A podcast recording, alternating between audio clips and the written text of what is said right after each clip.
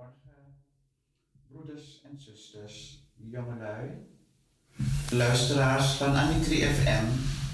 Hartelijk welkom bij deze uitzending zaterdag 3 juni 2023. Samen met Fred Bender, uh, de technische assistent en ook de voorlezer van het kinderverhaal, willen we vanochtend u het woord en ook geestelijke voeding voor de komende week meegeven. We beginnen zometeen met de morgenwijding. Die zal ik verzorgen, zuster Wil. En daarna zullen we uh, uh, na de morgenwijding weer een uur besteden aan het thema geestelijke verzorging in het kader van huisbezoek en gevangenisbezoek. Dan de kindervertelling van uh, voorgedragen door Fred Bender met muziek. Dan aandacht voor de zieken en de bedroefden. De mededelingen, felicitaties en telefonische reacties. Als u daartoe in de gelegenheid bent, kunt u bellen naar de studio op 020 737 1301. Ik herhaal 020 737 1301. Wij maken ons nu op voor de morgenwijding. En dan krijgt u eerst muziek.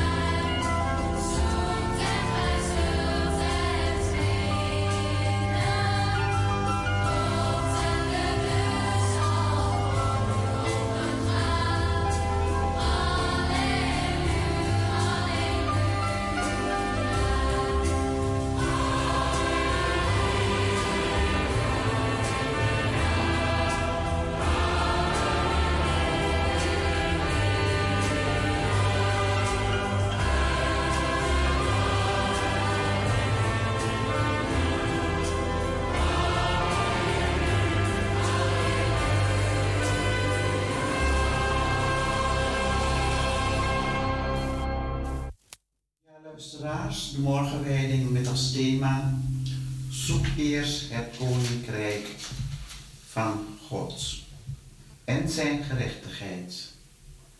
Men kan niet leven van brood alleen, maar van ieder woord dat door de Heer gesproken wordt. Ik hou u de tekst voor van zaterdag, vandaag 3 juni 2023. Dagtekst is gehaald uit Zacharias 9, vers 9.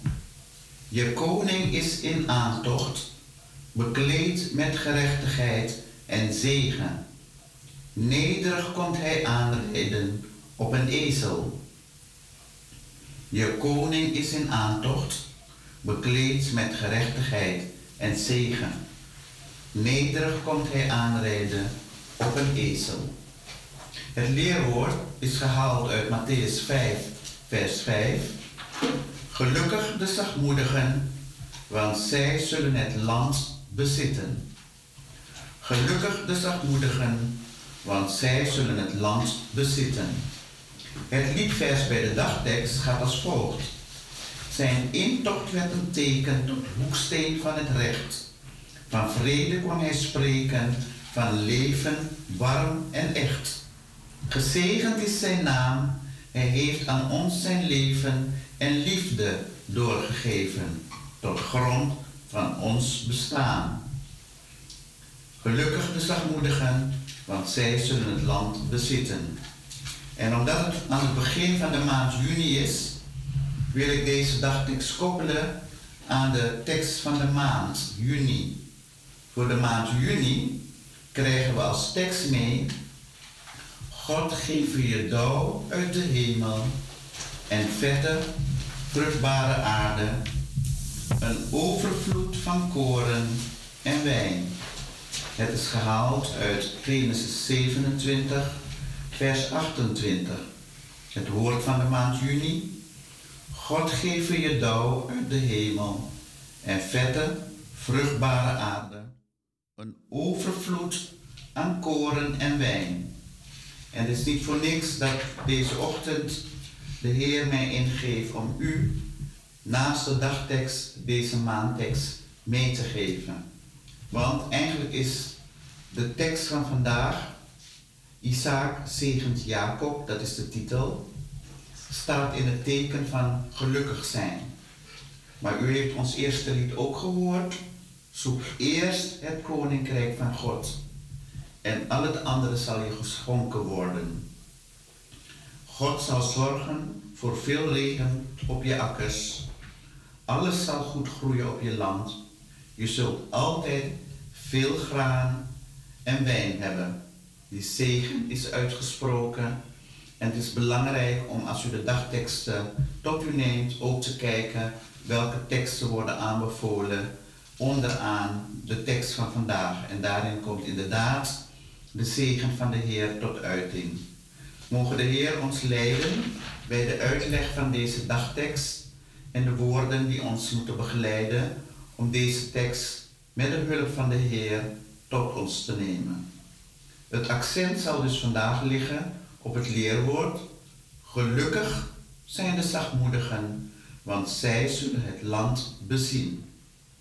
En omdat het zo belangrijk is om deze woorden tot ons te nemen, is het ook goed over uh, u, met u van gedachten te wisselen over wat de Bijbel dan zegt over deze tekst.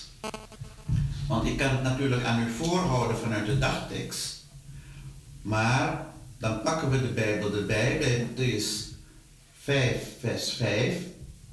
En dan komt tot uiting wat met deze tekst wordt bedoeld. De titel is Jezus vertelt over het echte geluk. Toen Jezus al die mensen zag, ging hij een berg op, daar ging hij zitten. Zijn leerlingen kwamen bij hem. Jezus begon zijn leerlingen uitleg te geven over de nieuwe wereld. En hij zei, het echte geluk is voor mensen die weten dat ze God nodig hebben. Want voor hen is Gods nieuwe wereld. Het echte geluk is voor mensen die verdriet hebben, want God zal hen troosten. Het echte geluk is voor mensen die vriendelijk zijn, want aan hen zal God de aarde geven. Het echte geluk is voor mensen die doen wat God wil.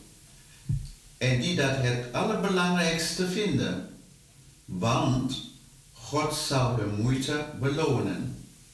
En het echte geluk is voor mensen die goed zijn voor anderen, want God zal goed zijn voor hen. Het echte geluk is voor mensen die eerlijk zijn, want zij zullen God zien. En tot slot, het echte geluk is voor mensen die vrede sluiten, want zij zullen kinderen van God genoemd worden. Dus deze bergreden, uitgesproken, uh, als uitleg aan de discipelen. U ziet ook, Jezus was ook een leraar. Hij vertelt de discipelen, legt hij uit op die bergreden, uh, wat het echte geluk is. Maar broeders en zusters, wij denken vaak dat het echte geluk iets anders is. Als we naar de wereld kijken en ook kijken hoe zij reageren als het gaat om het woordje geluk, dan noem ik u een aantal zaken waar wij als mensen denken dat het echte geluk vandaan komt. Wat is het geluk heden vandaag, anno 2023? Het geluk is voor velen een dak boven het hoofd, een huis, een appartement, het liefst met een tuin. Huis en haard vinden we belangrijk, een auto, financiën. Sommigen willen veel geld, krijgen daar geen genoeg van. We willen reizen, we willen de wereld ontdekken. U hoort het al, het accent ligt vaak op bezit, het hebben van. Ik wil dit, ik wil dat. Uh, de andere heeft dat al, oh dat wil ik ook. De opleiding. De samenleving heeft mensen nodig die met hun handen kunnen werken. MBO's, mensen die in de maatschappij iets kunnen betekenen, onze huis kunnen bouwen. Maar wat willen wij als mensen? Wij willen dat onze kinderen bijna altijd naar de universiteit gaan. Doctorandus, dokter, meester, manager. Is dat nou het geluk? Moeten we ons afvragen, is datgene wat bedoeld wordt in Matthäus 5, vers 5 bij de dagtekst van vandaag? Gelukkig de zachtmoedigen, want zij zullen het land bezitten. En dan legt Jezus aan de discipelen uit wat het echte geluk is. En ik heb u dat net voorgelezen. Het echte geluk is dus niet al die bezittingen en alles wat we hebben willen als mens. Het echte geluk staat hier in deze Bijbelvertaling. Ik heb u de Bijbelvertaling voorgehouden uit uh, de Bijbel met een gewone taal. Daar staat het verhaal uh, uitgelegd zoals ik het net heb voorgelezen. En met name het slotstuk is een erg belangrijke. Het, is, het echte geluk is voor mensen die doen wat God wil. En die dat het allerbelangrijkste vinden. Want God zal hun moeite belonen. En als we spreken vanochtend bij deze dagtekst en de uitleg ervan, en de relatie die ik heb geprobeerd te leggen met de maantekst die we hebben meegekregen, dan weet u dat de uitleg over Gods nieuwe wereld door Jezus verteld aan zijn leerlingen gaat over het echte geluk. Mensen die het moeilijk hebben en erkennen dat ze Gods steun en geest nodig hebben om zijn wil te doen. Terwijl we deze dagtekst met u bespreken, zal u tussentijds ook nog een lied horen, muziek, wat aansluit op deze uitleg. De oproep aan ons vanochtend bij de dagdek is dat het echte geluk niet datgene is wat we denken dat altijd geluk is. En die muziek die u hoort is eigenlijk een voorbode op de verdere uitleg van wat bedoelt Jezus nu met de bergreden.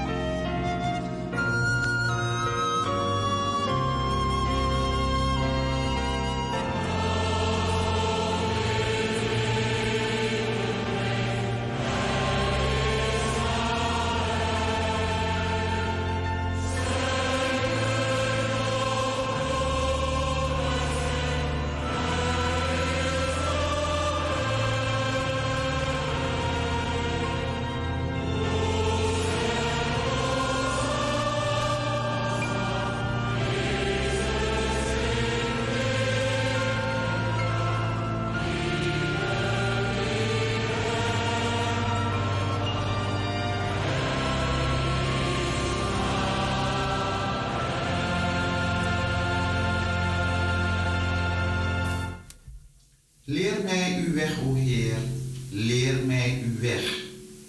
Dat vragen we vanochtend bij deze dagtekst van zaterdag 3 juni, waarin Jezus uitleg geeft aan de discipelen over Gods nieuwe wereld.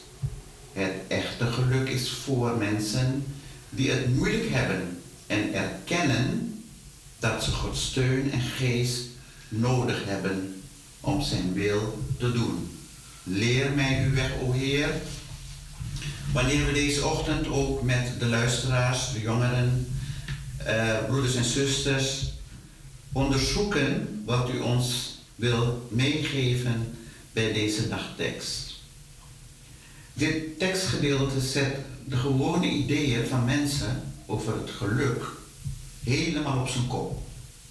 Het gaat niet om rijk zijn, groot grondbezitter zijn, alles bereikt heb in het leven. Ik ben gearriveerd. Ik heb alles wat mijn hartje begeert. Niet de bezitters van de beurs en de aandelen. Niet de beursgangers, niet de banken. Niets wat te maken heeft met enig bezit. Waar dit tekstgedeelte vandaag over gaat, bij de zalensprekingen op de bergreden, gaat over mensen die het moeilijk hebben en erkennen dat ze Gods steun nodig hebben. En wat geeft deze tekst vanochtend ook weer aan ons mee? Die onderbreking was niet voor niks, leer mij uw weg. Wat we nodig hebben, want dat kunnen we niet alleen, wat we nodig hebben, is aan God te vragen ons te helpen om dat wat gelukkig maakt ook uit te kunnen voeren. Het, de ware gelukkigen zijn diegenen die erkennen afhankelijk van God te zijn om te slagen in het leven. Leer mij uw weg, o Heer. Wat ook dit leven brengt, Hij is nabij. Dus als we erkennen dat we afhankelijk van God zijn om te slagen in het leven, dan kan het niet anders dat deze tekst deze ochtend aan u luisteraars meegeeft dat vertrouwen op God en niet op eigen inzet succesvol kan zijn voor alles waar we mee te maken hebben. Lijden, verdriet, zorgen. Hierin roept de, uh, Jezus de discipelen op dat ze vriendelijk moeten zijn en zachtmoedig, zalig de zachtmoedigen.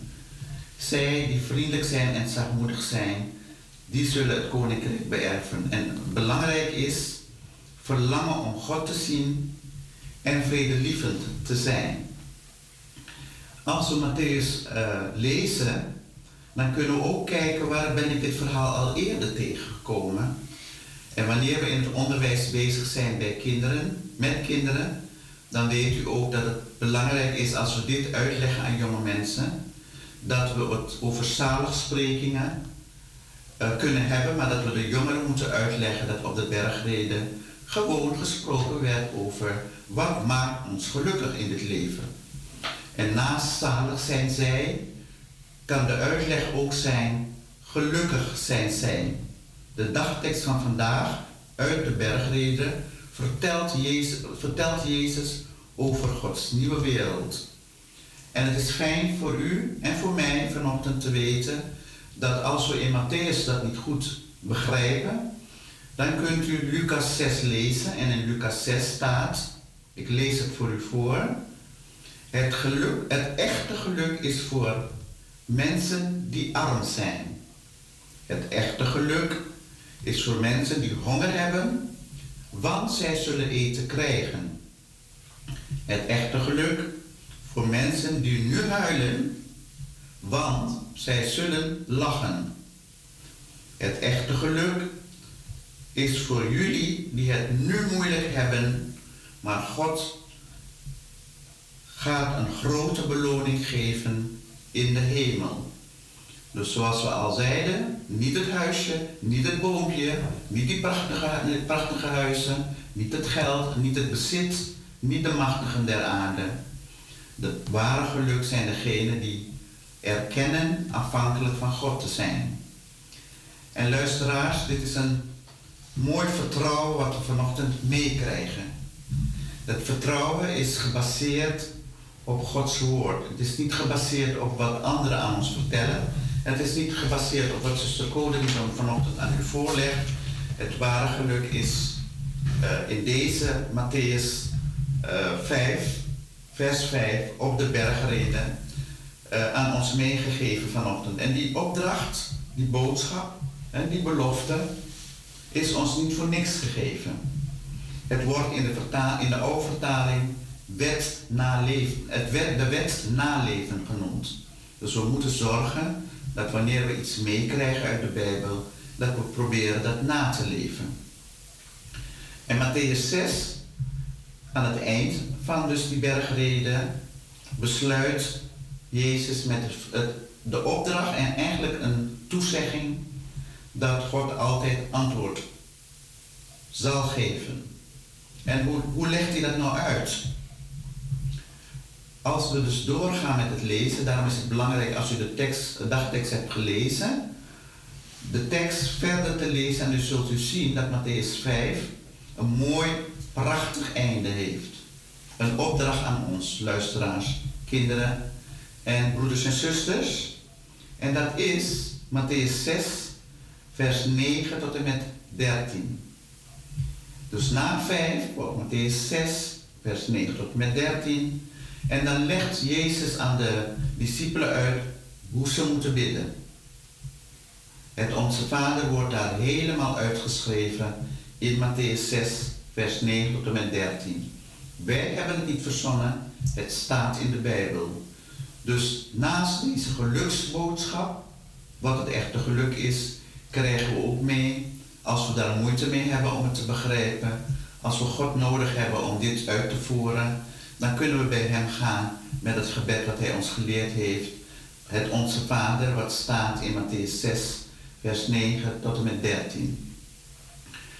Luisteraars, dit zijn geen gemakkelijke leefregels die we vanochtend met u hebben besproken en die ik vanuit de dagtekst met u heb gedeeld.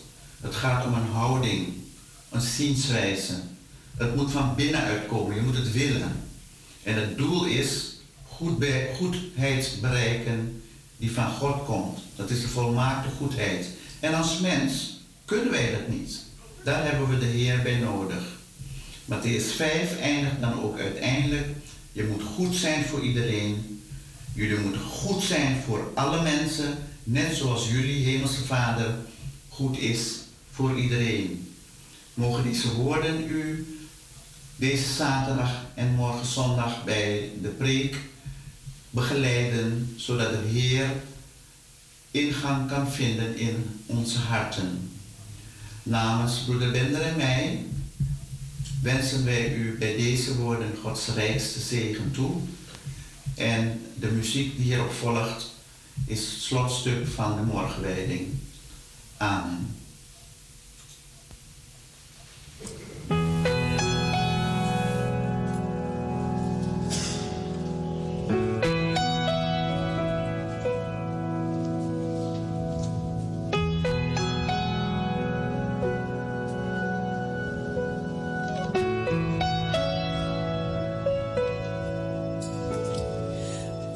stay. do.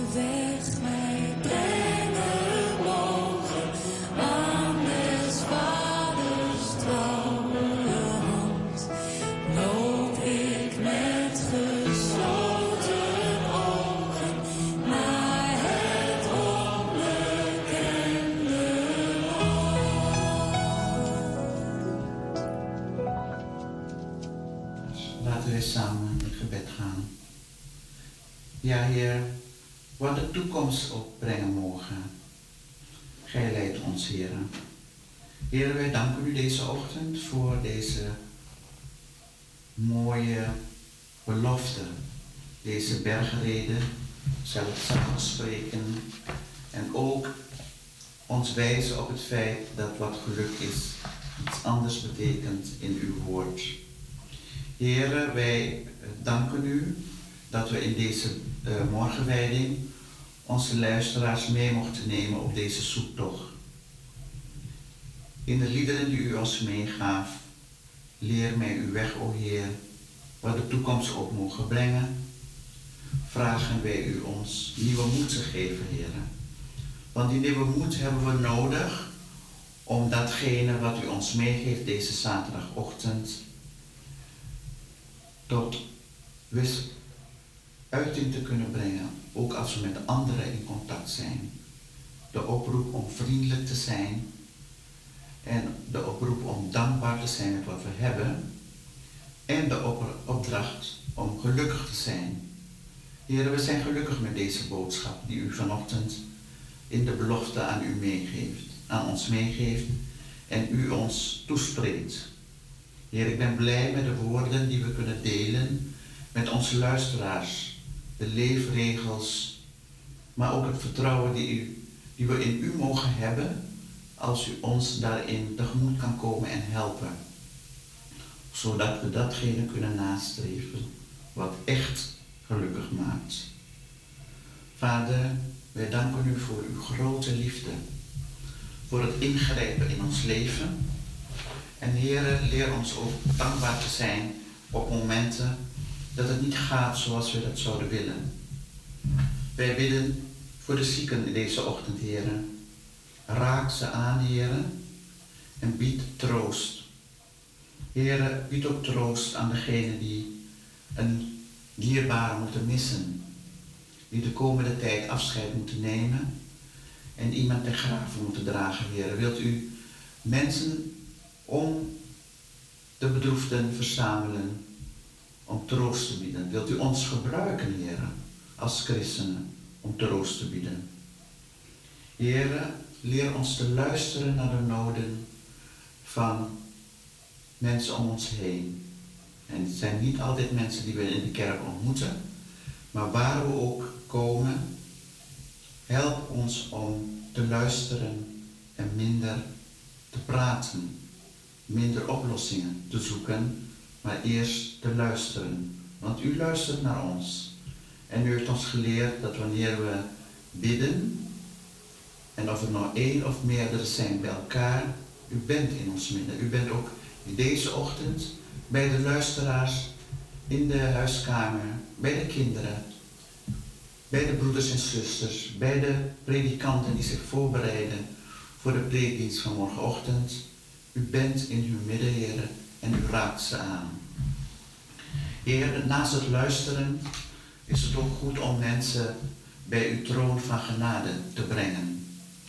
Mensen die iets belangrijks de komende week gaan meemaken, een ziekenhuisonderzoek of een operatie, of anderszins, heren, wilt u zijn met onze broeders en zusters. Wilt u zijn met de jongeren die de komende weken moeilijke momenten zullen meemaken als het gaat om de afronding van dit schooljaar.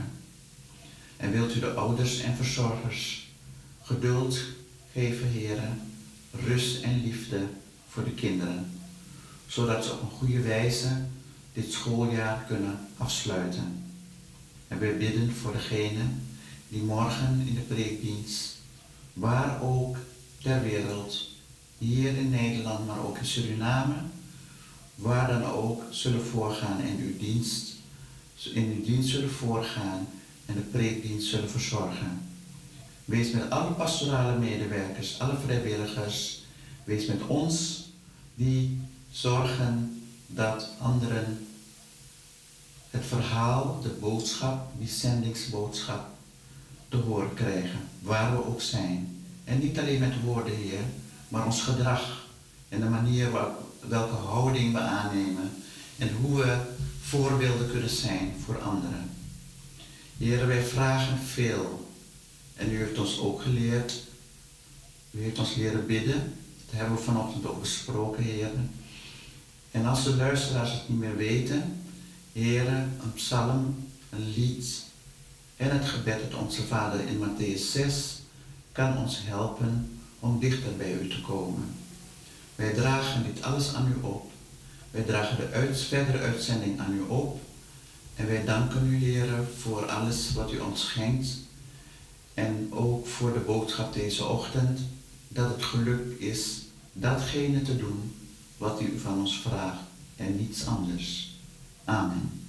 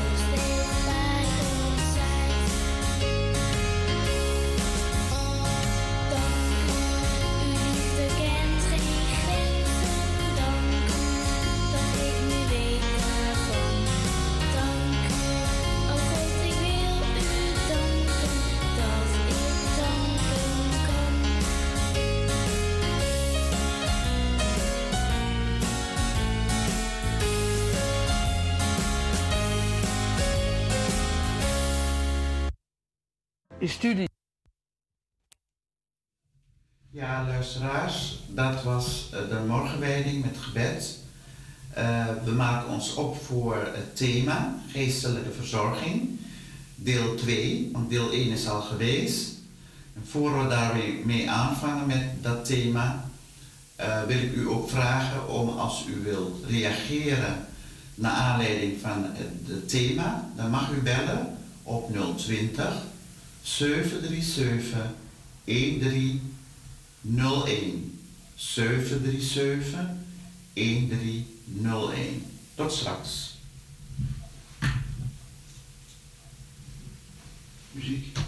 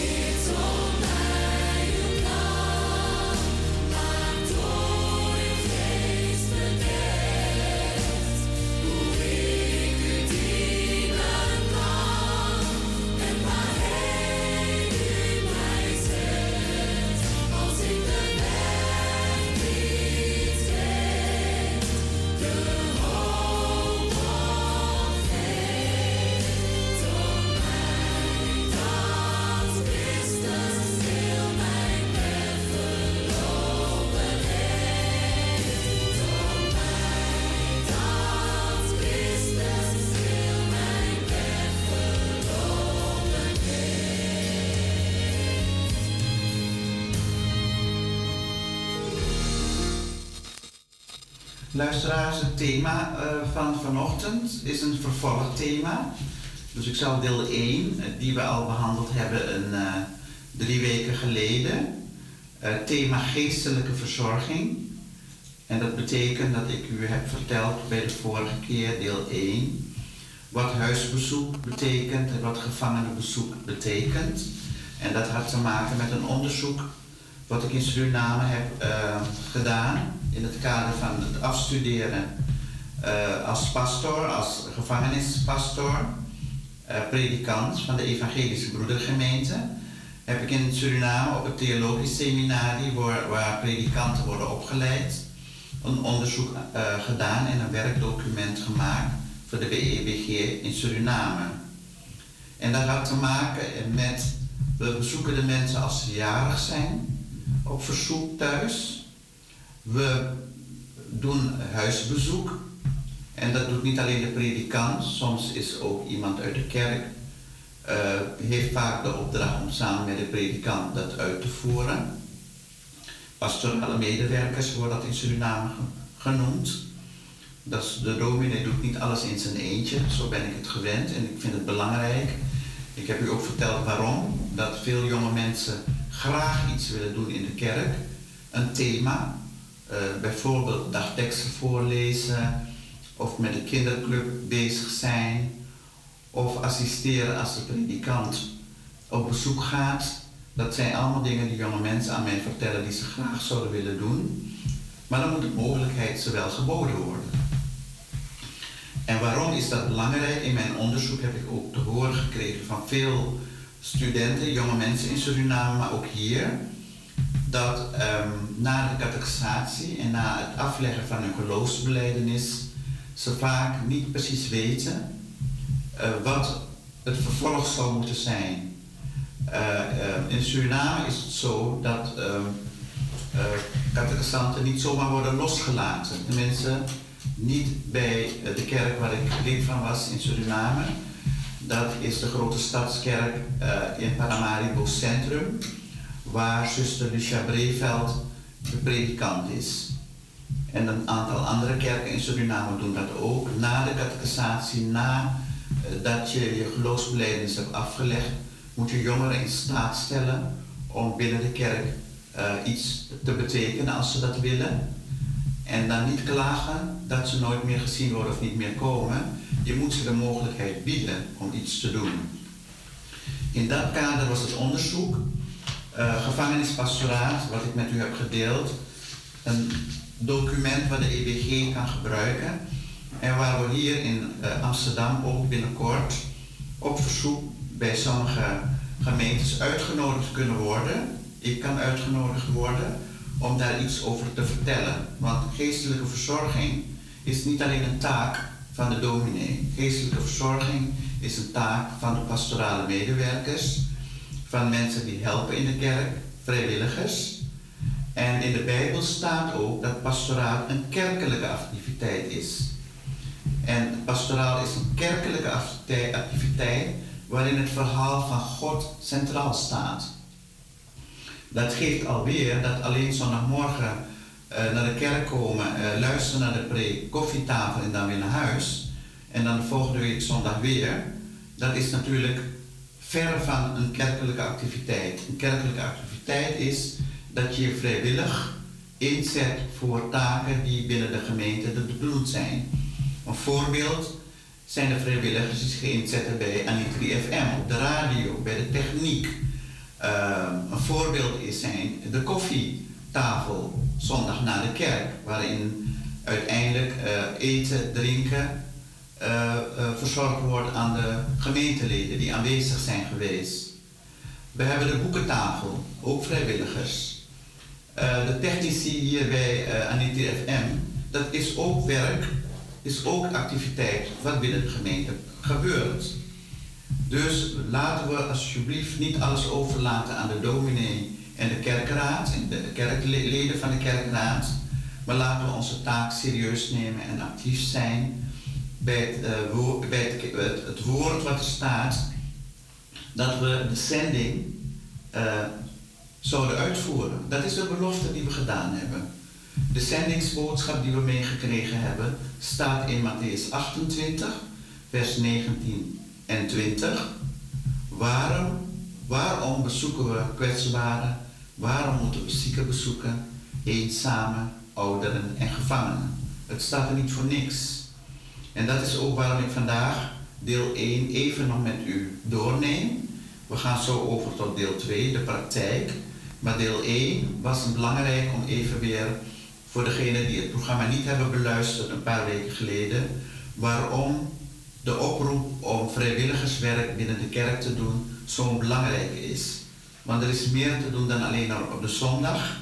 U heeft gezien, er kan een zieke bellen en vragen aan de dominee om langs te komen. Of het kan een familielid zijn die zegt, dominee, ik denk dat mijn vader, mijn moeder, mijn tante, oom of zoon of dochter geestelijke verzorging nodig heeft, geestelijke bijstand. En als u daar belangstelling voor heeft, jong of oud, dan is het heel belangrijk om te laten weten dat u dat graag wil doen. Of dat u een keer mee wil naar bijvoorbeeld het tehuis naast de kerk. Uh, dat heet Harriette Roland Holsthuis. Daar komt de dominee ook eens in de zoveel tijd, dominee Jill of anderen, om een korte prediking, een korte herdenking uh, te houden. Overdenking moet ik eigenlijk zeggen vanuit de Bijbel. Net zoals vanochtend we de dagwoorden hebben gedeeld met elkaar wat betekent, kunnen, kunnen we ook aan ouderen uh, die boodschap brengen. En dat doet dominee Deel ook en anderen in het Harriet Roland Holshuis. Als je nou net je beleidenis hebt afgelegd en je weet nog niet precies wat je zou willen doen aan vrijwilligerswerk, zijn dat en deze taken die ik nu noem, allemaal mogelijkheden om actief te zijn binnen de kerk. Maar dan moet je het ook willen en dan moet je ook de mogelijkheid krijgen om dat te doen. Nou, die zendingsboodschap daar wil ik het eerste deel van mijn samenvatting mee afsluiten. Die zendingsboodschap, die heb ik eh, aan u laten zien. Dat staat inderdaad in Matthäus 28, vers 19 en 20. En bij mijn onderzoek in Suriname, maar ook hier, heb ik me afgevraagd, ik kan dat wel behandelen met u. Ik kan het wel aan u vertellen. Maar als u het wil nalezen, als u echt wil weten wat er staat over pastoraal werk, want zo heet het. Ik noem het altijd vrijwilligerswerk in de kerk. Dan kunt u ook zoeken in Johannes 21, vers 17. Ik lees u dat citaat uit de Bijbel even voor, uit de nieuwe Bijbelvertaling. Simon Petrus. Jezus vraagt dus aan Simon Petrus: Heb je mij lief? Simon antwoordt: Ja, Heer. En Jezus antwoordt: Wijd mij lammeren. En wat is dat? Wijd mij lammeren. Zorg dan goed voor mijn volk, zoals een herder voor zijn schapen zorgt. Simon Petrus, heb je mij lief? Ja, Heer, zegt Simon Petrus. En dan zegt Jezus, wijd mij lammeren. Vrij vertaald, vertaald, zorg dan goed voor mijn volk, zoals een herder voor zijn schapen zorgt. Er staat helemaal niets daarin dat uh, alleen de dominee dat zou moeten doen. De dominee is onze herder. Dus het is belangrijk. Hij heeft ook een opleiding daarvoor gehad. Uh, hij is uh, gevormd door het woord van God. Hij heeft de verantwoordelijkheid van de gemeente. Dus het is belangrijk dat inderdaad het predikant, onze herder, daarin voorgaat. Maar in de Bijbel staat niet dat wij niet jonge mensen moeten opleiden en anderen moeten meenemen in onze weg om op zoek te gaan naar degene die God nog nodig hebben. Het is mooi dat we de Bijbel in gewone taal ook hebben, want die herder wordt uitgelegd dat hij altijd voor zijn schapen zorgt. Dat is de predikant. En wij als gemeenteleden kunnen altijd vragen aan de predikant of een pastorale medewerker, mag ik een weekje met u mee? Zuster Wil Coderington, mag ik een dag met u mee om te kijken hoe de voorbereiding van de studio, opnames of de, het programma wordt voorbereid. Broeder Bender, mag ik even kijken hoe u aan de liedkeuze komt. Hoe komt het dat u uh, door de EBG benaderd bent om de liederen samen te stellen en samen met degenen die het programma verzorgen dit te doen? Allerlei plekken waar we kunnen leren, maar we moeten het wel willen. Marcus 2, vers 17. Daar zegt Jezus: Ik ben er niet voor de goede mensen, maar ik ben gekomen om aan slechte mensen het goede nieuws te brengen. Dus jongens en meisjes, luisteraars, broeders en zusters, deel 1 van het vrijwilligerswerk van pastoraat is belangrijk dat voordat u zegt ik wil graag iets betekenen, dat u eerst de Bijbel opslaat en opzoekt wat staat er in de Bijbel over dit werk? Wat staat er in de Bijbel over onze zendingsboodschap? En wat betekent de zendingsboodschap voor mij persoonlijk? En wat, kan ik, wat is er nodig binnen de kerk? Ik sluit af met een voorbeeld. Toen ik weer terugkwam in Amsterdam, na tien jaar gewoond te hebben in Suriname, na mijn afstuderen als predikant, mocht ik voorgaan uh, in de zangdiensten van de grote stadskerk ik mocht de Bijbelstudies verzorgen. Ik mocht ook de catechisanten begeleiden in hun uh, afstuderen als het ging, ging om de dag dat ze dan hun geloofsbeleidenis zouden afleggen over hoe kleed je, hoe spreek je mensen aan, hoe gedraag je je als gemeentelid en hoe is de betekenis van het heilig avondmaal en al die zaken die je binnen, binnen de kerk zal tegenkomen hoe moet je daarmee omgaan? Het geeft aan dat als u zich geroepen voelt om vrijwilligerswerk te doen, ziekenbezoek, op bezoek bij het Harriet Roland Holsthuis, of bij iemand thuis die de dominee nodig heeft, of in de studio, waar dan ook, of op de jeugdclub. Er is altijd iets te doen wat we kunnen doen met die zendingsboodschap. Dus deel 1 was inderdaad echt een theorie, dat heb ik u uitgelegd. Waarom doen we dat? En ik zal vandaag besteden in deel 2 eh, aan de praktijk. Want heel veel mensen hebben gevraagd na de uitzending: kunt u wat meer vertellen over wat u doet als u bij gevangenen komt? Wat, wat er gebeurt als de dominee bij een zieke komt. En daar zullen we het in deel 2 over hebben. Maar voordat we overgaan naar deel 2, is het goed dat we ehm, muziek beluisteren. Zodat ik niet alleen aan het woord ben, maar u ook de muziek kan beluisteren. En u de mogelijkheid heeft om te kunnen bellen met ons, om te kijken of de vragen die u heeft verhelderende vragen zijn, of niet duidelijk, of dat u wat meer wil weten. Dan kunnen we dat ook beantwoorden. U kunt bellen op 020 737 1301. En nu gaan we even naar muziek luisteren voordat we overgaan naar de praktijk van gevangenispastoraat.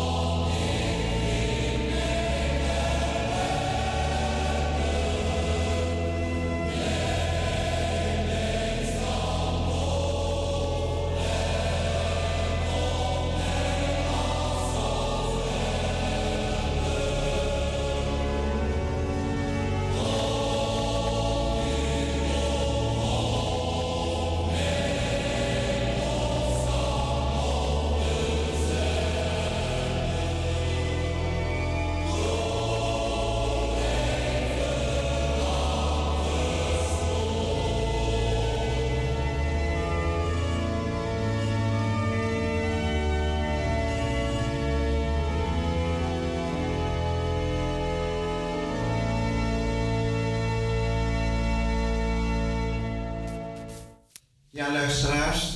ehm, deel 1 van het vrijwilligerswerk, pastoraat.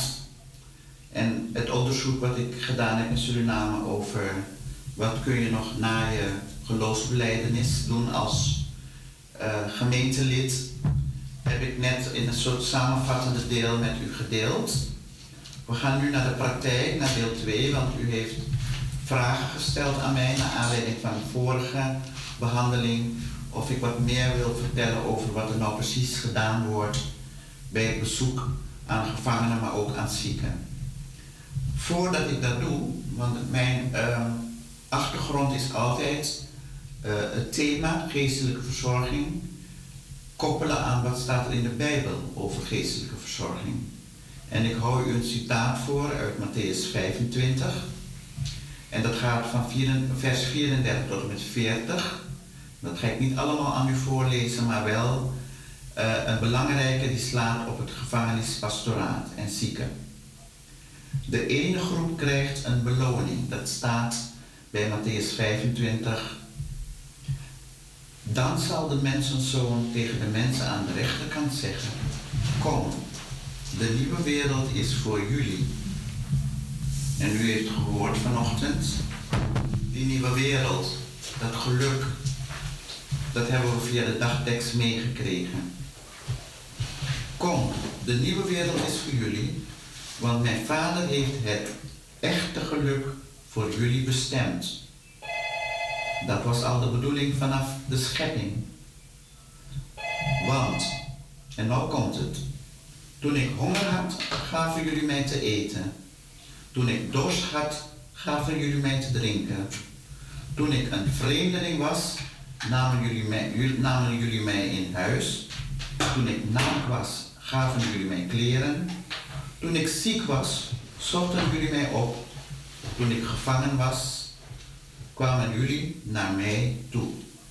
Tot zover dit Bijbelgedeelte uit Matthäus 25, vers 34 tot en met 37, wat ik aan u heb voorgelezen.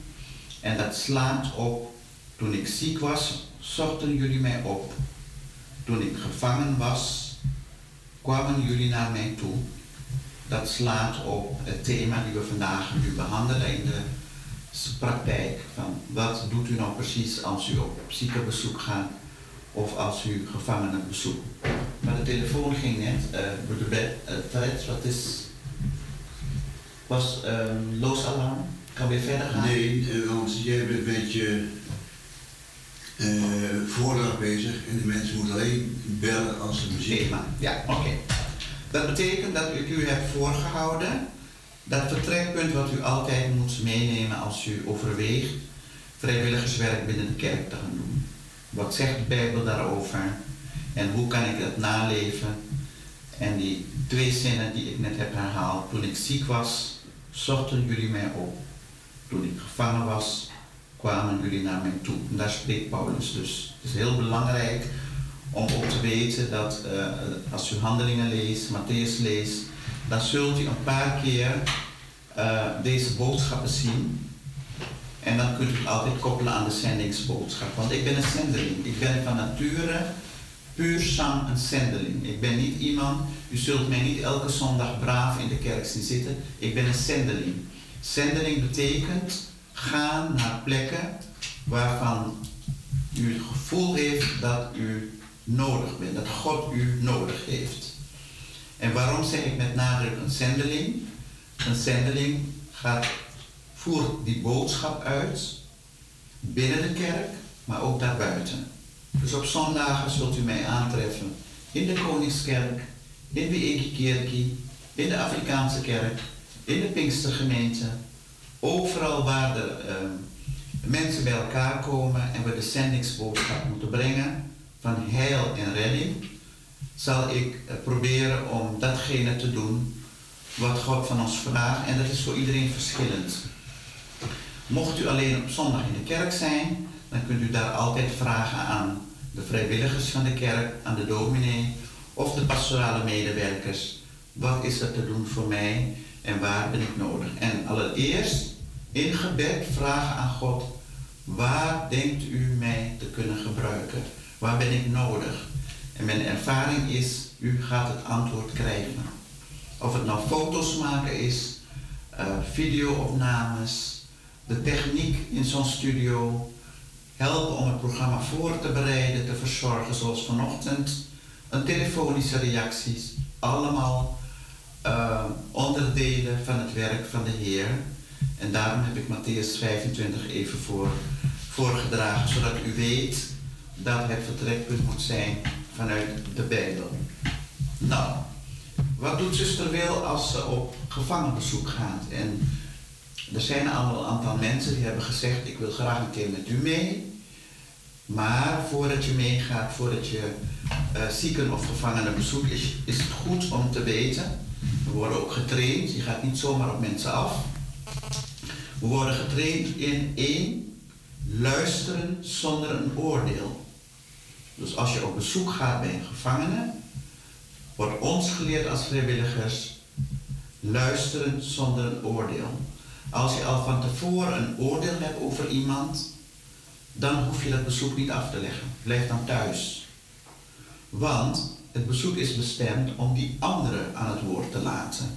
Om te luisteren zonder oordeel. Vragen stellen is ook niet aan de orde bij bezoek aan gevangenen. Want de ervaring is, je zit nauwelijks en voordat je een vraag gesteld hebt, begint degene tegenover je zelf te vertellen. Waarom hij daar is, wat hij of zij heeft gedaan, hoe lang de gevangenisstraf is en de rol van de familie. Dus als je, hebt, als je getraind bent om te luisteren, dan zal eigenlijk het gesprek gevoerd worden door degene die tegenover je zit. Eh, dus wanneer jongeren eh, aan mij vragen, maar ik wil graag een keer meegaan om te horen en te luisteren hoe u dat gesprek voert, moet ik ze teleurstellen.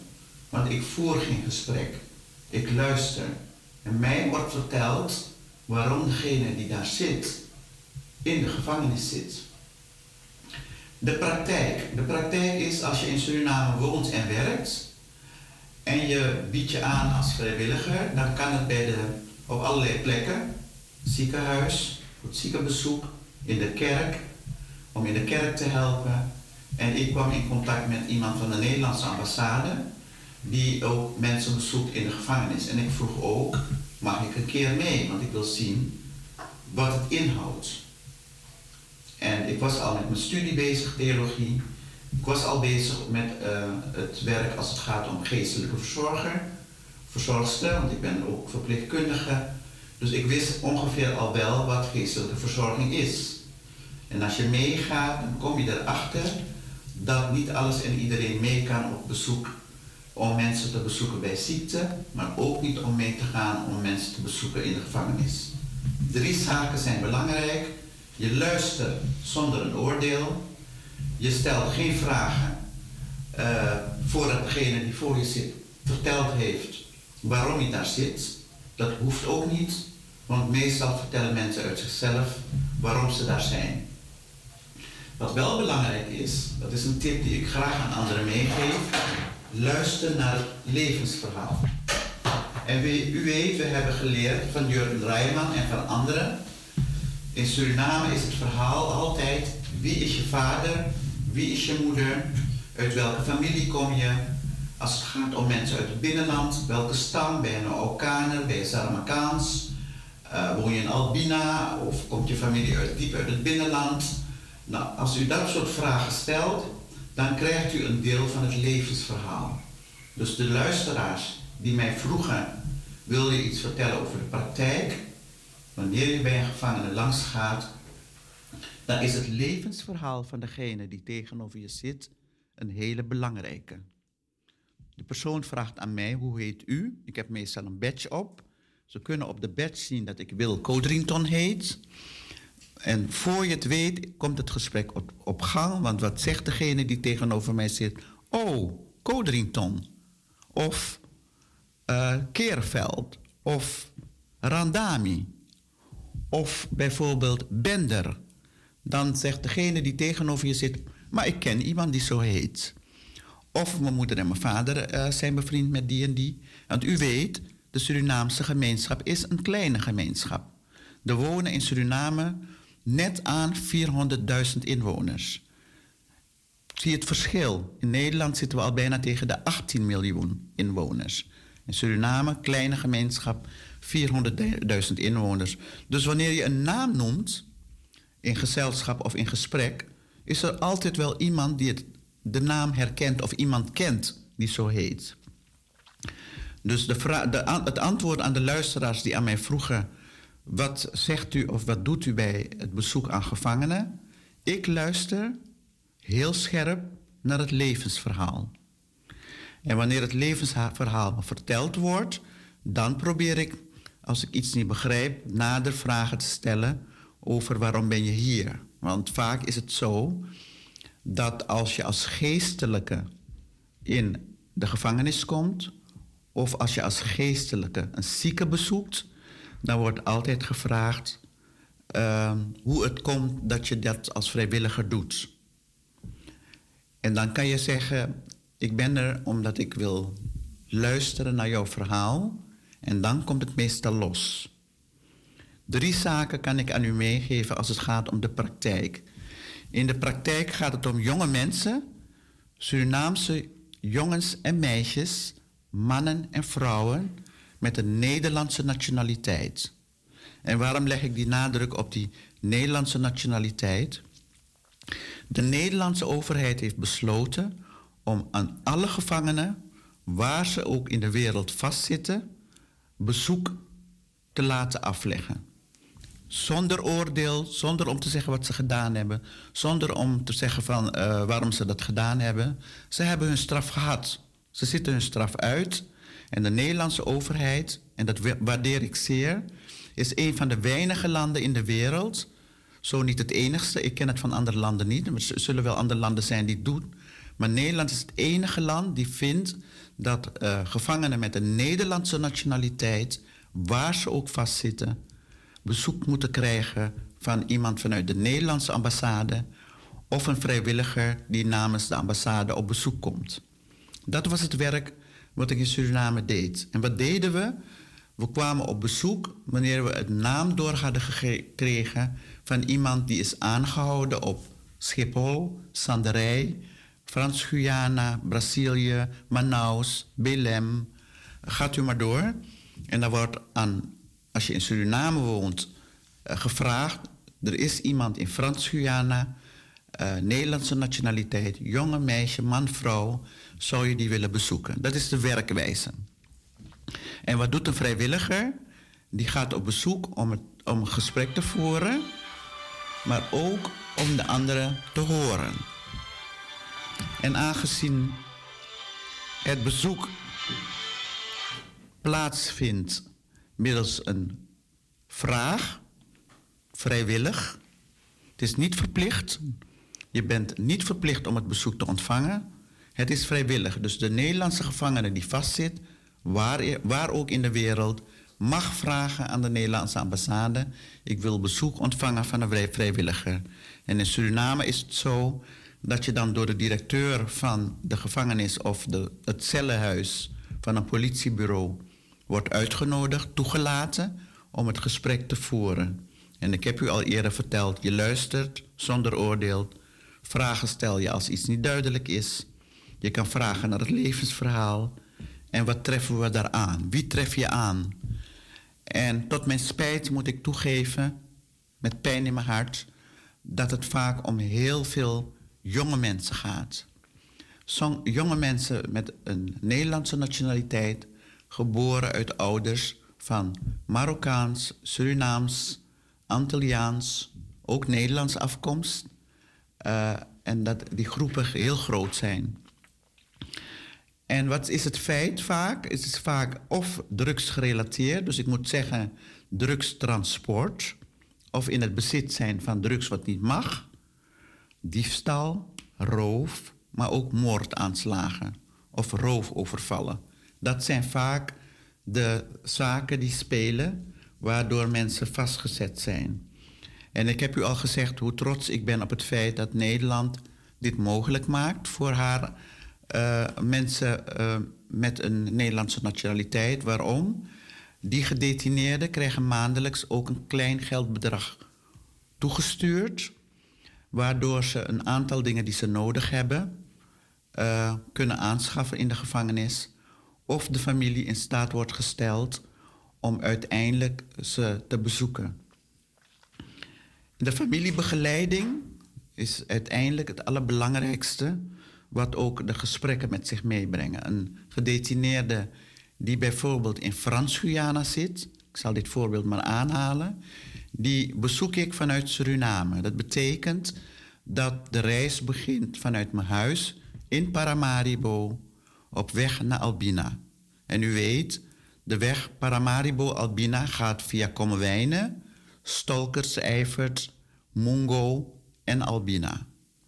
Als je in Suriname woont en je moet in Frans-Guyana Surinaamse en Nederlandse of Antilliaanse eh, gevangenen bezoeken, dan is dat de eerste stap die je aflegt. Dus je hebt de naam, je hebt de plek waar je naartoe moet, je hebt de mensen die je ontvangen in Frans-Guyana, maar je reist vanuit Paramaribo richting Albina. En in Albina is er een bootje.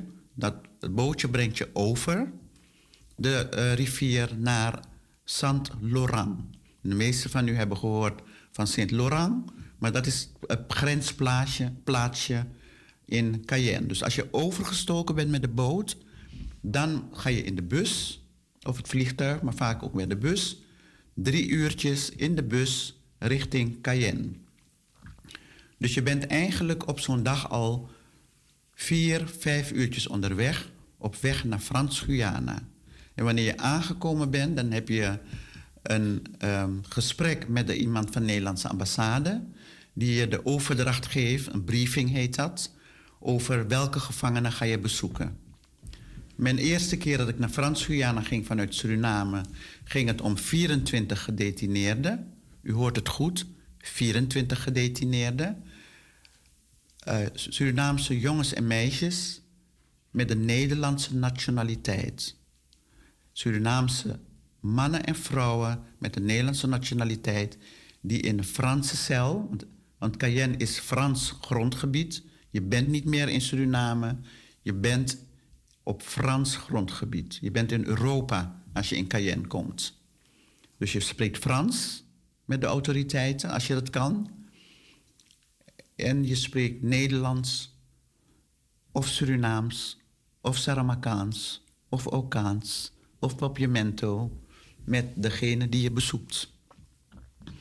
Dus daarom leg ik de nadruk op bezoek aan gedetineerden. Uh, is meer dan alleen iemand opzoeken en luisteren naar het verhaal. Het bezoek naar gedetineerden is je moet je ook verdiepen in het levensverhaal. Dus ik heb daarmee de drie vragen die ik gekregen heb de vorige keer. Wilt u iets vertellen over de praktijk? En u weet, het is informatie die je alleen kan delen uh, met de luisteraars als je zorgt dat andere mensen daardoor niet in uh, de problemen komen. Vandaar dat ik het heel algemeen houd, voorzichtig vertel. Maar de werkwijze van een bezoeker aan een gedetineerde, aan een gevangene, is meer dan alleen op bezoek gaan. Het is ook een luisterverhaal. Het is ook vragen stellen, luisteren naar het levensverhaal. Het is ook familiebegeleiding. En ik wil de laatste minuten van deze deel 2, de praktijk, besteden aan preventie. Preventie betekent dat je moet zorgen dat voordat kinderen, jonge mensen in aanraking komen met drugs, met verkeerde vrienden, het belangrijk is dat thuis de opvoeding al daarmee bezig is.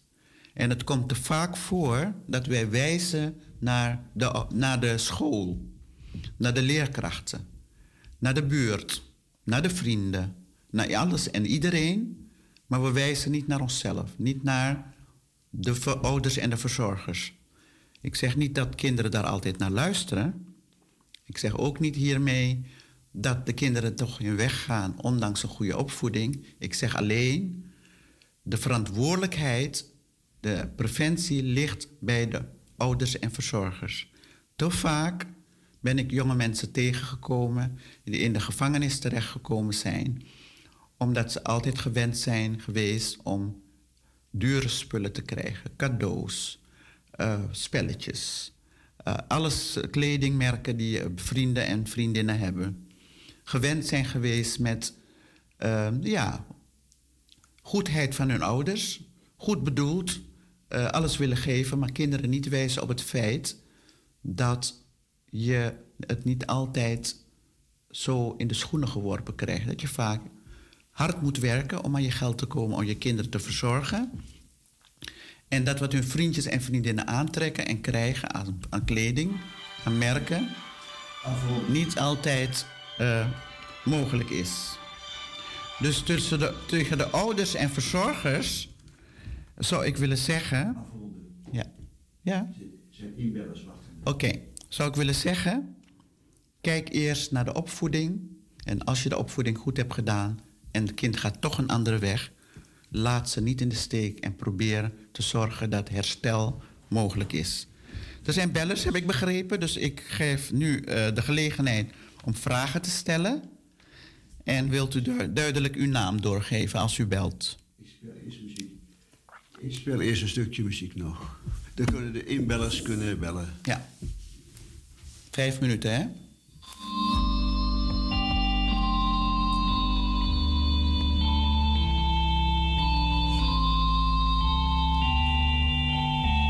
Oké, eh, dit is Fred Bende achter de microfoon.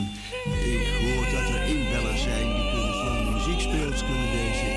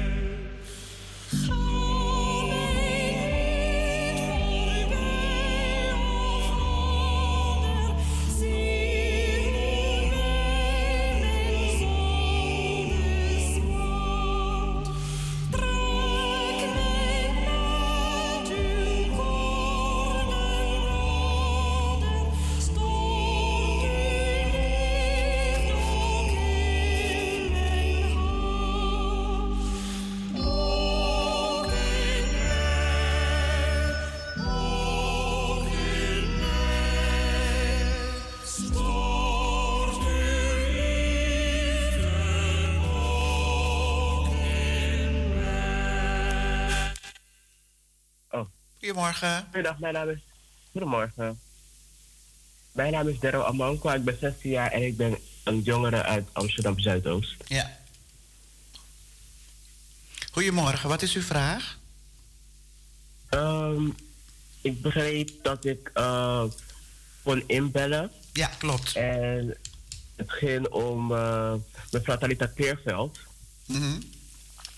Ehm, gaf aan dat er een uitzending was over jongeren en eh, gevangenis. Ja. En vandaar dat ik even inbelde, maar ehm, ik weet niet of u uh, vragen had of...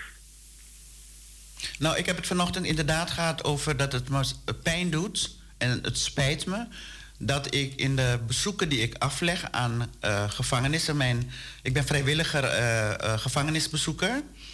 En eh, in Suriname heb ik bezoek afgelegd, maar ook eh, in Frans-Guyana en Brazilië. En dat het me opvalt dat veel jongeren eh, te maken krijgen met drugstransport, maar ook vaak weten ze niet dat als een vriendin of vriend ze vraagt: Wil je een pakketje voor me meenemen? Oh, je gaat op reis. Waar ga je naartoe? Oh, ik heb een boodschap voor mijn oom of een tante, of wil je een pakketje van me meenemen?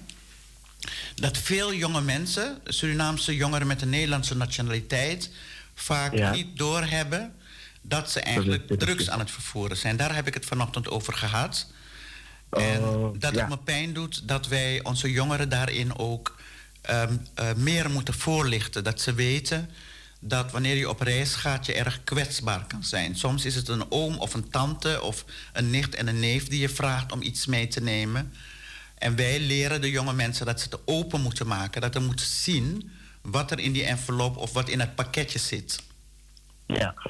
Ja. En ik denk dat dat voor jongeren belangrijk is, omdat je vaak heel enthousiast bent over de reis. Je gaat op reis. Ik ga naar Ibiza of ik ga naar Turkije, ik ga naar Marokko. Eh, tegenwoordig gaan mensen ook naar Dubai. En dan weten ze niet dat iemand die iets meegeeft, waarschijnlijk iets mee kan geven, waardoor ze in de gevangenis in het buitenland terechtkomen. Klopt, inderdaad. Ja, dus ik ben ook heel blij dat u daarop reageert en belt, zodat u weet. eh, eh, en daarom besteed ik er ook aandacht aan in dit programma. Dat het vaak ook om mensen zijn die een goede opvoeding hebben gehad. Die ik tegenkom, goed opgevoed, goed opgeleid. Sommigen studeren nog aan de hogeschool of universiteit, gaan op vakantie en worden door de politie in het buitenland aangehouden omdat ze een pakketje bij zich hebben wat verdacht is. En dan komt vaak pilletjes of drugs uit. En u weet, in buitenlandse gevangenissen moet je heel lang vastzitten. Klopt. Ja. Dus ik weet niet of u ervaring heeft met jongeren die op reis gaan. Maar het is belangrijk om ze te vertellen dat als ze gevraagd wordt om iets mee te nemen, altijd moeten zorgen dat ze weten wat ze meenemen. Wat erin. Ja. Ja. Heeft u ook die ervaring? Of, of mensen in uw Nou. omgeving die op reis gaan binnenkort? Nou, ik heb zelf niet ehm per ervaring gehad of met mensen omringd mij, omringd eh, mij die op reis zijn gegaan en iets per ongeluk heb meegenomen van iemand of iets hebben meegenomen van iemand waar drugs in zat, daar heb ik eh, zelf om me heen niet zoveel van gehoord. Maar ik vraag me, wat, wat wordt er dan precies gedaan met die mensen als ze dan, ehm, als ze dus zien dat er bijvoorbeeld drugs is meegenomen, krijgen ze dan een bepaald, hoe lang krijgen ze dan ongeveer, zitten ze dan vast? Wat wordt er met ze gedaan? Een gevangenisstraf. En het is niet de, schuld van degene die iets meegeeft. Nee. Eh, bijvoorbeeld in eh, Frans-Guyana is het zo dat jongens uit Albina en Mongo bijvoorbeeld... en uit Paramaribo met een Nederlandse nationaliteit... gewoon Surinaamse jongeren... gaan op vakantie naar Cayenne, gezellig, leuk. En ze, ze worden betrapt bij de luchthaven of ergens anders. Soms weten ze niet eens dat datgene wat ze in zijn koffer hebben... eh, drugs bevat, omdat iemand ze gevraagd heeft om eh, het mee te En nemen. leek me. Ja. En dan krijgen ze gevangenisstraf. En de Fransen zijn heel streng. Kijk, als je in Frankrijk vastgehouden wordt, dan heb je zeker drie tot vijf jaar gevangenisstraf. Oh. Eh, moet je je voorstellen, je familie woont in Suriname of in Nederland. En jij zit in een gevangeniscel in Frans-Guyana. Je kan geen bezoek ontvangen, je spreekt geen Frans. En je zit met z'n zessen of zevenen in een cel. Je zit niet alleen. Nou, dan weet je al hoe verschrikkelijk dat moet zijn om Ja. mee te maken. Inderdaad. En dan is degene die je gevraagd heeft om een pakketje te nemen, die ga je nooit meer zien of horen. Maar degene die het bij zich had, die wordt gestraft. Klopt. Ja. Dat is nou wel inderdaad echt eh, heel erg. Ja. Want eh, die was er zelf niet van bewust. Dat Nee. is per se intentie. En dan na drie tot vijf jaar ben- loop je ook achter op jouw leeftijdsgenoten. Bijvoorbeeld ja. als je aan het studeren was. Ja. eh, zijn zij wat verder en jij moet dan weer opnieuw gaan beginnen. En dan, komt sowieso ook de staat op jou. eh, Ja. ja, dat, ze- dat ze weten van oké, dit, is, dit is een keertje voorgevallen bij jou. Je hebt een Dus straf en, je hebt een, en je hebt een strafblad, hè? Eh, wat zegt u? En dan heb Je ook nog een strafblad. Ja, want als je studeert, sommige mensen gaan weer terug naar school of naar de universiteit. Maar nee, je hebt een strafblad. Dus als je werk gaat zoeken, dan kan het best zijn dat het dat lastig kan worden. Het, het wordt meestal niet. Als je in het buitenland wordt ge- eh, hebt gezeten, wordt het vaak niet eh, in de papieren hier meegenomen. Maar uiteindelijk wordt het een lastig verhaal als je werk gaat zoeken. Ja. Dus ik ben, blij, ik ben blij met uw reactie. Er is ook nog iemand anders aan de lijn. Eh, dus Ja. eh, we Nou. gaan het afronden. Ik ben ontzettend blij dat u als jongere hebt gereageerd. En wat ik u mee zou Ja, willen geven is... dat- maak andere jongeren bewust van het feit... dat ze Ja. niet zomaar spullen moeten meenemen van anderen. Ja, zeker. Want dat is, het, is, het is beter dat je het voorkomt dat je het later moet gaan Ja, genezen. precies. Dus, Ja, precies. Ja. We komen in een Ja, latere dus- uitzending, misschien op, in een andere keer... zullen we wat meer ruimte bieden voor mensen om te bellen over dit thema. En eh, ik zal ook vragen aan de EBG of we een keer... eh, met jongeren hier een, eh, een thema over kunnen verzorgen. Al was het niet alleen Oh, in de ja. uitzending, maar ook gewoon een keer ergens anders. Ja? ja, en dan is het niet in het, specifiek over bijvoorbeeld jongeren die bijvoorbeeld mee, zijn gepakt met eh, niet, niet per se met de intentie Nee. om drugs te sm- smokkelen, maar ook over jongeren in het algemeen die bijvoorbeeld in de Ja. Ja, en, preventie, hè? Ja. En preventie en het werk binnen de kerk, hoe je jongeren daarbij kan betrekken. Dat, eh, dat is een belangrijk thema. Ja, klopt. Dankjewel voor je reactie. super bedankt. Ja. En ehm, super goed dat u het eh, over dit onderwerp heeft. En ik hoop dat het veel jongeren eh, bewust gaat maken. Ja, dankjewel voor je reactie en succes. Luisteraars, we gaan verder met de uitzending. We hebben het thema geestelijke verzorging, gevangenisbezoek hebben we behandeld, deel 2. Eh, en in de afronding heeft u de reactie gehoord van een jonge man die ons belde om uiteindelijk eh, daarover van gedachten te wisselen. Wij gaan nu over naar het onderdeel eh, de kindervertellingen. We krijgen eerst muziek. Gaan we over naar het onderdeel kindervertellingen, verzorgd door Fred Bender. Eh, ik zal dat inleiden. Er is muziek en we gaan eh, over tot eh, het vol- volgende onderdeel.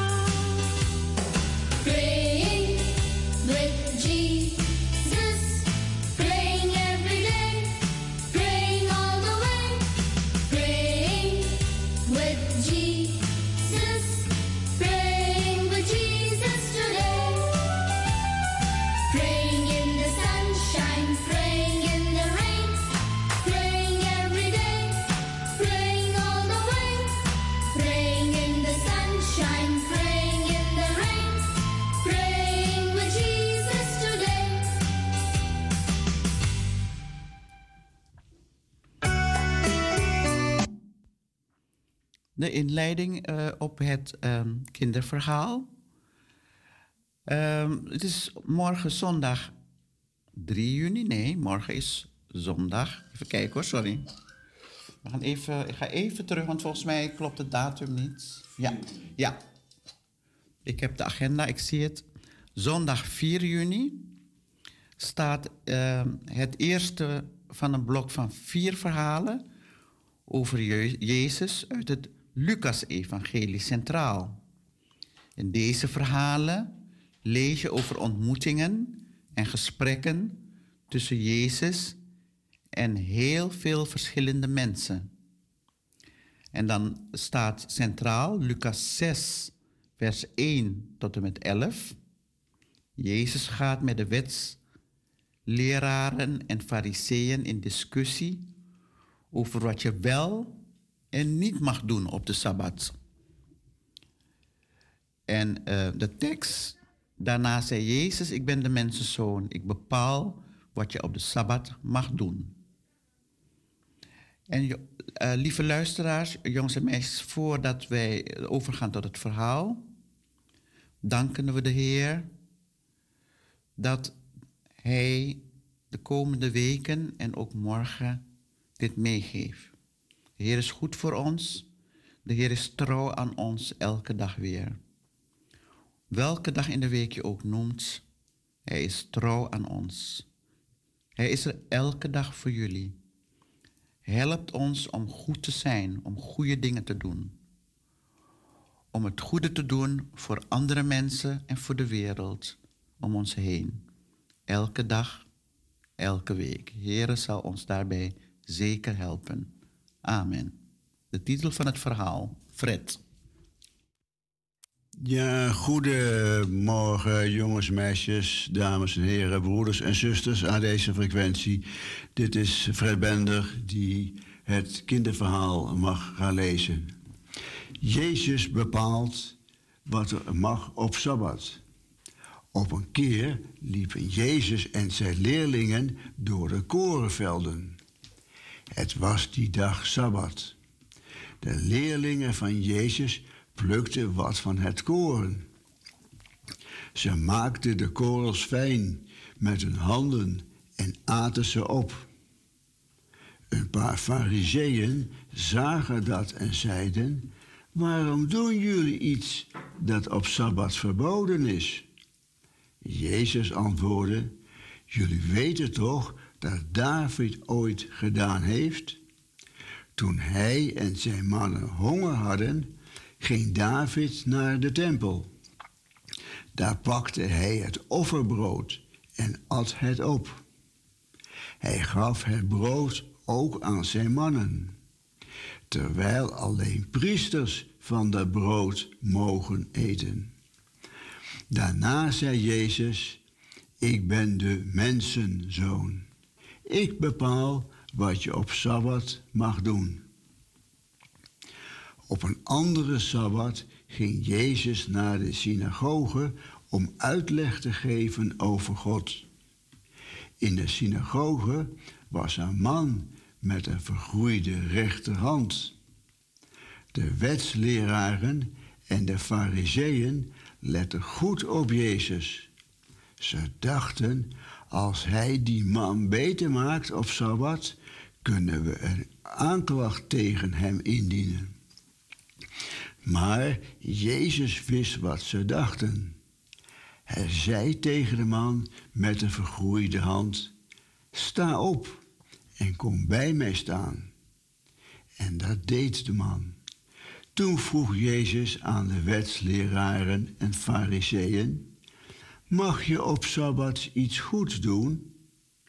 Of is het beter om iets slechts te doen? Mag je op sabbat iemands leven redden? Of is het beter om iemands dood te laten gaan? Jezus keek iedereen aan. Toen zei hij tegen de man met een vergroeide hand: Steek je hand uit. De man stak zijn hand uit en meteen was de hand beter. De wetsleraren en fariseeën waren woedend. Ze bespraken met elkaar wat ze met Jezus zouden doen. En beste kinderen, ik heb hier een aantal vraagjes voor jullie. Je hoeft ze niet allemaal te beantwoorden, maar zoek er bijvoorbeeld twee uit. Wat doen de leerlingen van Jezus op Sabbat? Hoe reageren de Fariseeën hierop? Wat doet Jezus zelf op Sabbat in de synagoge? Hoe reageren de Fariseeën nu? Overtreedt Jezus expres de wet over de Sabbat, denk je? Jezus zegt, ik bepaal wat je op Sabbat mag doen. Wat bedoelt hij daar volgens jou mee? En dit is het verhaal wat ik jullie deze zaterdag heb mogen voorlezen. Ik geef de microfoon weer terug aan de presentatie. En daarna komt er nog een stukje muziek voor jullie. Maar die moet ik even scherp stellen.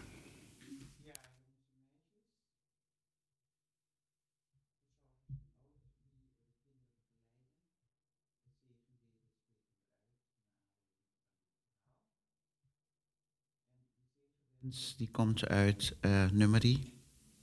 is voor alle mensen bedoeld, maar we willen graag deze wens ook uitspreken. Deze zegenwens uitspreken tegen de kinderen die nu luisteren of nog gaan luisteren hierna.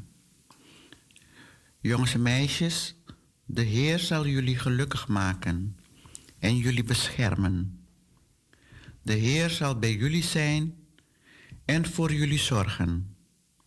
De Heer zal aan jullie denken en jullie vrede geven. Amen.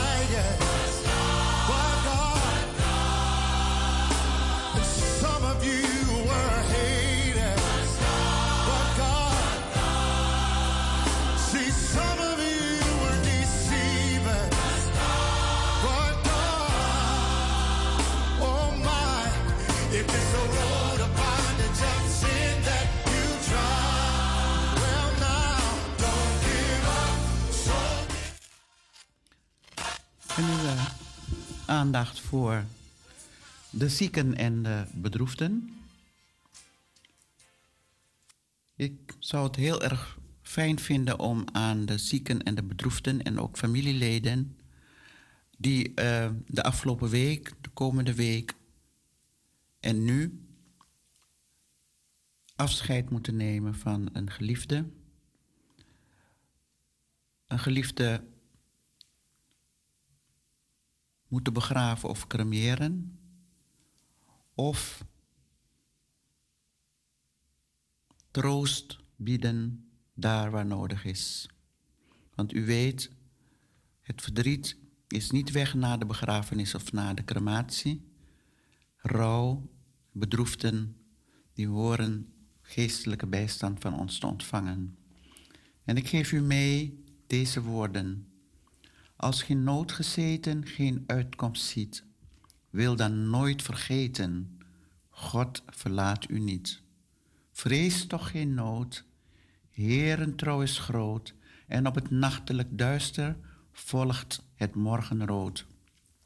Schoon stormen woeden, ducht toch geen kwaad, God zal u behoeden, u toeverlaat. God ze alle eh, eh, rijkste zegen toegewenst en alle troost aan alle familieleden.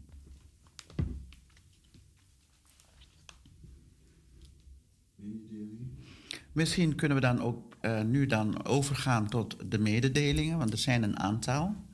Ik krijg nu op de app door, dat, daar zal ik maar mee beginnen. Eh, het volgende. Zaterdag, vandaag dus, 3 juni, om 3 uur is er een gemeentevergadering aan de Krommehoekstraat 136 in Wiegikierki. En die gemeentevergadering wordt bijgewoond door de eh, betalende leden van de Evangelische Broedergemeente Amsterdam Zuidoost. De vergadering begint vanmiddag om drie uur. U bent daar van harte welkom.